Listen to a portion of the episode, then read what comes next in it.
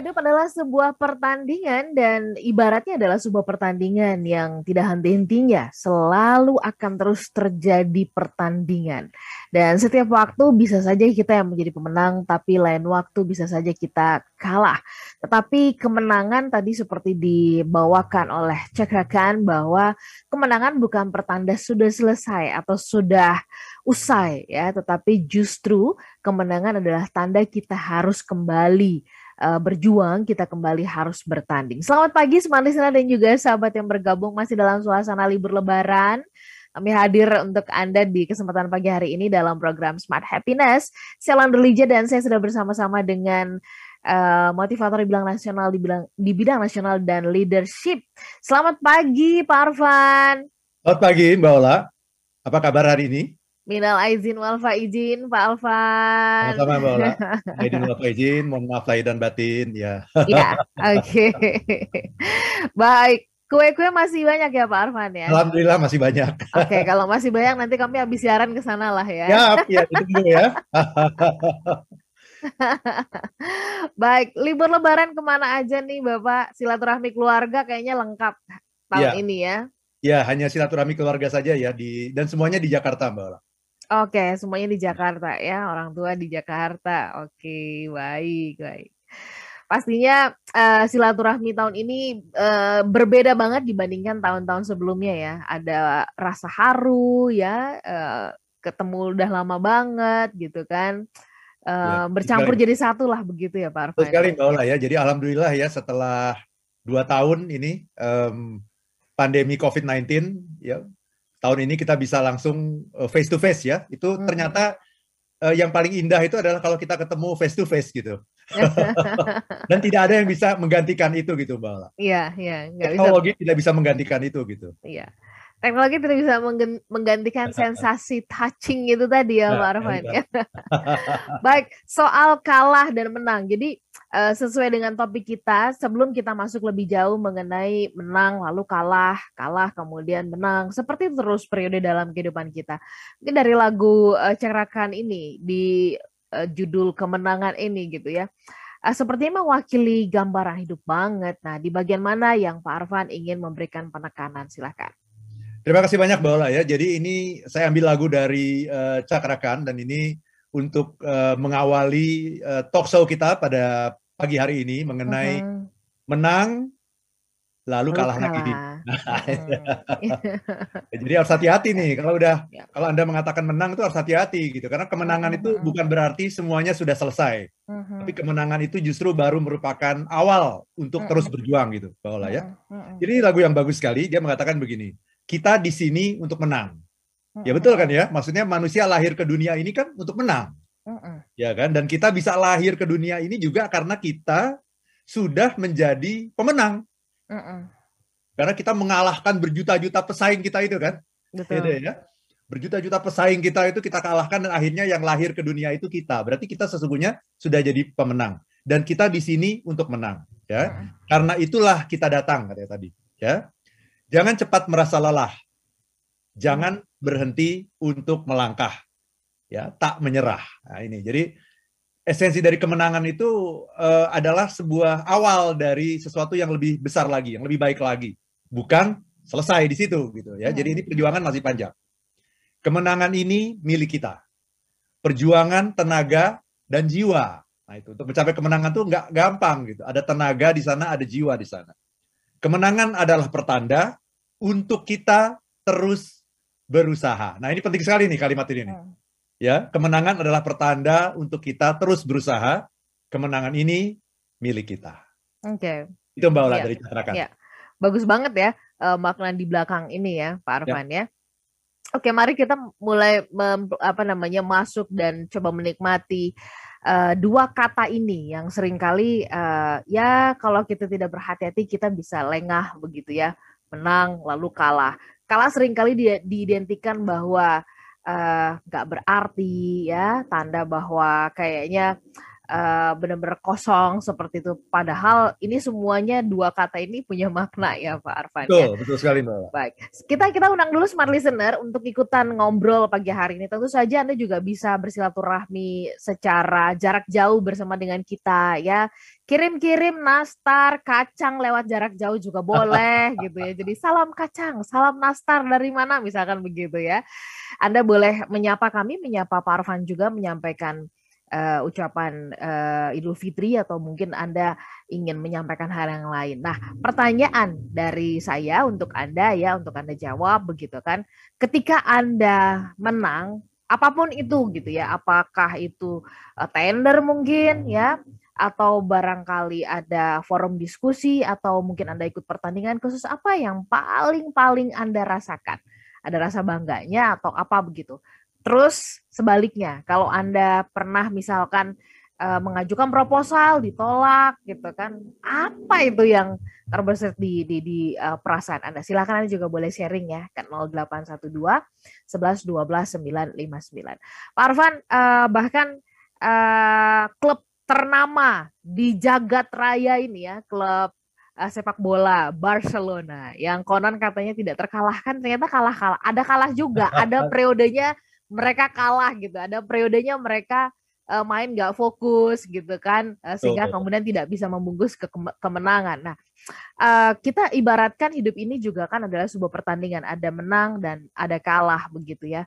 Nah, Pak Arfan, kalau ketika kita uh, bicara tentang menang dan kalah, ini kan sebuah siklus ya, sebuah ya. siklus.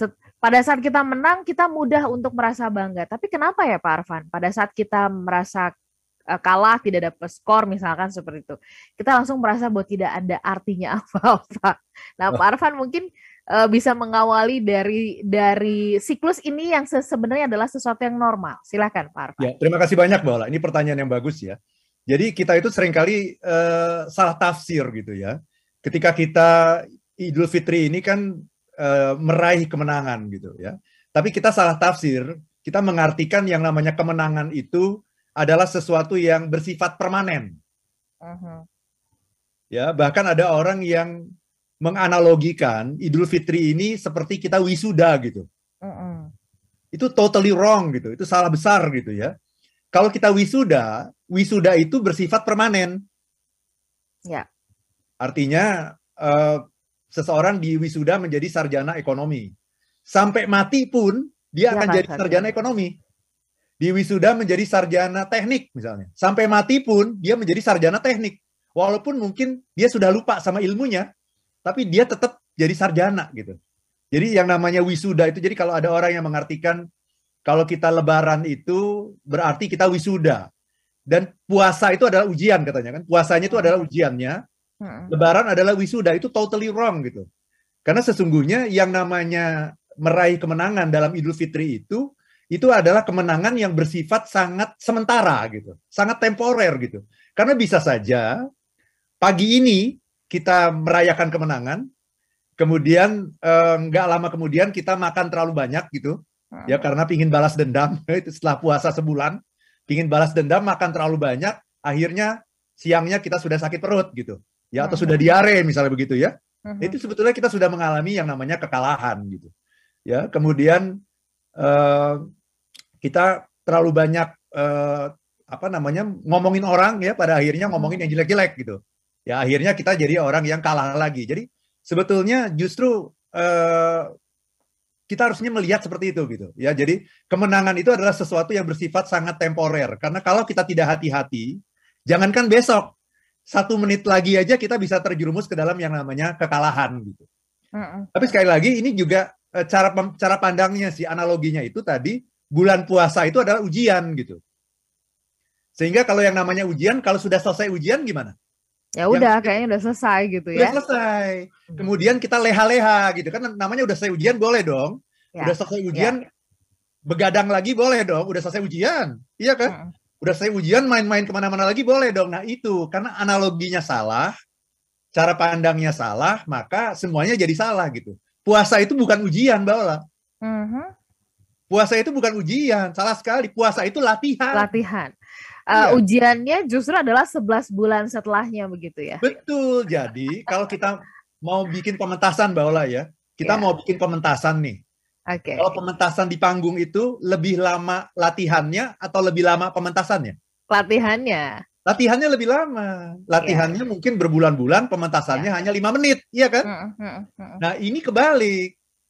Ini latihannya. Latihannya cuma sebulan, mm, pementasannya sebelas bulan, nah itu. Mm, mm, Berarti mestinya kita lebih hati-hati gitu. Jadi uh, puasa itu bukan ujian, puasa itu latihan. Oke. Okay. bulan adalah pementasan. Dan Baik. hari raya Idul Fitri itu bukan wisuda. Yeah. Hari raya Idul Fitri mengingatkan kepada kita bahwa kita kalau kita ingin bahagia, kalau kita ingin sukses, maka kita harus mencapai yang namanya kemenangan. Dan hati-hati, menang saat ini bisa berarti kalah sebentar lagi gitu, Oke. Okay. Pak Arfan, nanti kita coba gali ya, uh, apa yang terjadi kepada orang-orang yang uh, merasakan kemenangan, euforia, bahagia dan sebagainya. Nah, bahayanya itu tadi apa sih yang membuat kita lupa gitu, yang menutupkah logika dan sebagainya. Sabar sebentar smart listener ya, kita jeda untuk beberapa informasi berikut ini. Anda yang menyaksikan kami melalui YouTube di kanal Smart FM, selamat pagi. Anda baru saja uh, bersama dengan kami. Kemudian Anda yang melalui Jux Music, selamat pagi ya. Uh, di berbagai tempat di seluruh Indonesia Anda bisa menjangkau kami mudah-mudahan streaming di Makassar, Manado, kemudian juga Banjarmasin, Balikpapan. Lantas Anda yang ada di Balikpapan, uh, maka Banjarmasin, kemudian juga Palembang, Medan, Pekanbaru, kemudian Surabaya, Yogyakarta, Jakarta, Depok, Tangerang, Bekasi, dan kota-kota di sekitarnya. Anda sedang kami ajak untuk membahas uh, materi atau topik ten uh, tentang uh, setelah menang kita kemudian kalah. Ini sebuah siklus yang tadi Pak Arfan sampaikan, nah itu normal bahwa dalam hidup kita itu pasti akan demikian. Nah, uh, tadi saya sempat bertanya sebelum kita jeda ya, uh, kita pengen tahu di dalam uh, diri atau di dalam kita pada saat kita merasakan kemenangan tuh sebenarnya apa begitu Pak Arfan sehingga uh, kok kita kayaknya perlu diajak dan diingatkan untuk hati-hati nih. Kadang-kadang kita bisa sampai terlupa begitu. Yang yang membuat kita jadi lupa tuh apanya sih kegembiraannya atau apanya begitu Pak Arfan? Silakan Pak Ya terima kasih banyak Mbak Ola ya. Um, ketika kita menang uh, kita lupa diri gitu ya. Uh, pasti ada perasaan bangga ya, pasti ya itu sesuatu yang sangat manusiawi ya. Mhm. Bangga kemudian uh, sedikit lagi kemudian lupa gitu. Ya, ketika kita menang itu kita sudah merasa ada di atas angin, kita merasa sudah berhasil menaklukkan segalanya gitu dan kita merasa sudah selesai gitu. Sehingga uh, orang sering kali tidak mendapatkan pembelajaran ketika dia menang. Nah, orang justru mendapatkan pembelajaran ketika dia kalah gitu. Jadi kadang-kadang dalam hidup ini perlu juga sih kita kalah gitu. Hmm. Ya, jadi ketika kita kalah, kalau bagi orang yang punya mindset happiness, sesungguhnya tidak ada itu yang namanya the loser atau orang yang kalah. Yang ada adalah winner or learner. Learner. Nah, Pembelajar kenapa? ya. Pembelajar. Kenapa? Karena ketika dia kalah, biasanya orang yang kalah itu kan punya waktu untuk introspeksi ya. Betul. Kalau menang itu nggak ada waktu untuk introspeksi, itu bersenang-senang, lupa semuanya gitu. Justru pembelajaran itu didapat ketika kita kalah. Ketika kita kalah, kita introspeksi. Kenapa ya kita bisa kalah ya? Apa yang terjadi ya? Gimana kondisi saya pada saat itu ya? Kenapa saya bisa seperti ini ya? Nah itu menjadi sebuah pembelajaran bagi kita. Jadi bagi orang yang uh, punya mindset happiness, itu ketika dia kalah, dia belajar sesungguhnya, belajar sesuatu. Ya dan uh, ketika kalah itu belajarnya itu lebih bagus daripada baca buku, Mbak Mm -hmm. Karena belajarnya itu ada feeling yang didapat gitu. Oke. Okay. Jadi rasanya dapat dan pelajarannya juga dapat begitu ya. Betul. Pelajarannya dapat, feelingnya dapat. Karena yang membuat kita berubah itu feelingnya. Maka maka dari itu itu disebut sebagai experiential learning. Karena ada experience-nya, ada pengalamannya, ada feeling yang dia dapat kok sakit ya ternyata kalah ini ya kok saya jadi kayak gini ya, kok saya menderita ya, kok saya jadi tidak nyaman ya. Itu perasaan itu sangat penting untuk kita melakukan perubahan gitu Mbak Ola. Jadi cuma ada dua, winner or learner. learner. Ya. Itu Mbak Ola. Oke. Okay. Uh, ya Pak Arfan tadi Bapak mengatakan bahwa um, ya orang yang yang sedang menang itu um, barangkali tertutup kegembiraan ya euforia sehingga kemudian lupa untuk uh, belajar. Ini meng, men, menginsyaratkan bahwa seolah-olah menang itu kayak sesuatu yang tidak mulia, Pak Arfan. Nah, apa yang uh, sebenarnya kita bisa pelajari dari uh, seorang pemenang ya? Karena yang namanya pemenang itu pasti juga dia kan melewati sebuah proses begitu Pak Arfan. Iya, makanya tadi lagu Cakarakan itu penting sekali ya. Karena dia tadi mengatakan apa? Kemenangan adalah pertanda untuk kita terus berusaha. Kenapa? Karena orang yang menang itu lupa biasanya. Nah, makanya rumusnya itu ada sebetulnya di dalam ucapan yang selalu kita sampaikan ketika merayakan Idul Fitri, Mbak Ola. Oke. Okay. Yang ucapan itu sendiri sering disalahartikan gitu ya. Okay. Ucapannya kan adalah minal aidin wal faizin. Wal faizin. Sayangnya kemudian disambungin. Artinya mohon maaf lahir dan batin, padahal bukan itu, itu ya. Bukan itu, bukan itu. Minal aidin wal faizin itu sangat penting dan ini mengandung paradigma happiness sekaligus paradigma sukses. Mm -mm. Kan artinya begini, minal aidin wal faizin. Mudah-mudahan kita termasuk orang-orang yang aidin. Mm -mm. Aidin itu artinya kembali. Wal faizin dan menang, kembali dan menang. Jadi rumusnya selalu itu, kembali dan menang. Nah, kembali itu, kembali itu adalah rumus kebahagiaan, Mbak Ola. Mm -mm. Yang namanya happiness itu terjadi ketika kita kembali, benar nggak? Ya. Kembali Mbak Ola pulang ke uh, ke Medan, ya kan? Bertemu dengan ibunda tercinta, itu happiness, ya. Minggu lalu kita sudah bahas itu. Itulah yang namanya home. Jadi kebahagiaan itu terjadi ketika kita kembali, gitu. Aidin, ya, kembali. Nah, yang menarik, kesuksesan itu terjadi ketika kita menang. Jadi minal aidin wal faizin itu yang pertama adalah kita harus kembali dulu. Kalau kita sudah kembali, maka kita akan meraih yang namanya kemenangan. Kembali adalah paradigmanya adalah happiness, home, ya. Kemudian happiness itu kalau kita sudah mendapatkan kebahagiaan, maka itu akan meningkatkan kesuksesan kita. Jadi happiness datang lebih dulu, Aidin, baru sukses, wal faizin, kemenangan. Nah, setelah kemenangan kita ke mana lagi? Nah, ini yang sering kali kita lupa. Setelah kemenangan kita harus apa lagi? Kembali lagi, kembali lagi, lihat tujuan kita, lihat visi kita, misi kita, values kita, kembali lagi ke tujuan awal. Jadi itu sebuah siklus sesungguhnya, minal aidin wal faizin. Setelah wal faizin apa lagi? Aidin lagi. Minal aidin wal faizin. Jadi ke, uh, selalu kembali dan menang. Setelah menang apa? Kembali lagi ke tujuan awal supaya mendapatkan kemenangan berikutnya gitu.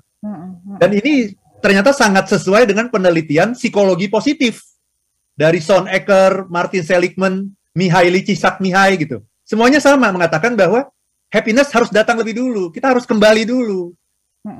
Setelah dapat happiness, berikutnya baru mendapatkan kesuksesan. Setelah mendapatkan kesuksesan, kita akan mendapatkan happiness level 2 yang lebih tinggi lagi, yang lebih indah lagi. Itu siklusnya Mbak Ola. Oke, okay, oke. Okay. Happiness mendahului kesuksesan itu poinnya dan uh, kalau begitu Pak Arfan, kemenangan itu hanya bisa kita raih kalau kita punya tujuan dong ya. Kan Betul. Rasanya kalau misalkan kita berputar-putar saja bagaimana kita bisa meraih kemenangan. Nah, ini PR dari banyak kita nih merasa bahwa kita kenapa sih nggak menang-menang? gitu ya? Kenapa sih nggak nggak nggak dapat dapat gitu goalsnya nggak tercapai tercapai gitu? Jangan-jangan PR di soal tujuannya ini yang perlu tujuannya nggak jelas mungkin nah, gitu ya dan okay. jadi definisikan secara uh, simple gitu. Simple. secara sederhana Nanti ya. kita bahas itu Pak Arfan di ya, part yang kedua ya. Karena uh, kita nggak kepengen dong 11 bulan ke depan ini tuh jadi kayak bulan-bulan yang seperti mengalir saja. Iya, nggak ada kan? ada bekasnya. Nggak ada bekasnya. Nggak ada bekasnya. Gitu ya? Udah puasa sebulan tuh nggak ada bekasnya. Nggak ada bekasnya. Seolah-olah tujuannya tuh hanya menantikan satu bulan yaitu bulan Ramadan tahun depan lagi. Kalau begitu iya. 11 11 bulan ke depan nih mau ngapain kan gitu ya? Betul, Bagaimana betul kita kembali merumuskan dan merapikan tujuannya nanti habis ini semata listener kita bahas tetaplah bersama dengan kami karena Nisha ya kita bisa memperoleh kemenangan kalau tujuannya nggak jelas nih ya. Kita bahas itu selepas beberapa informasi berikut ini. Tetaplah bersama dengan kami.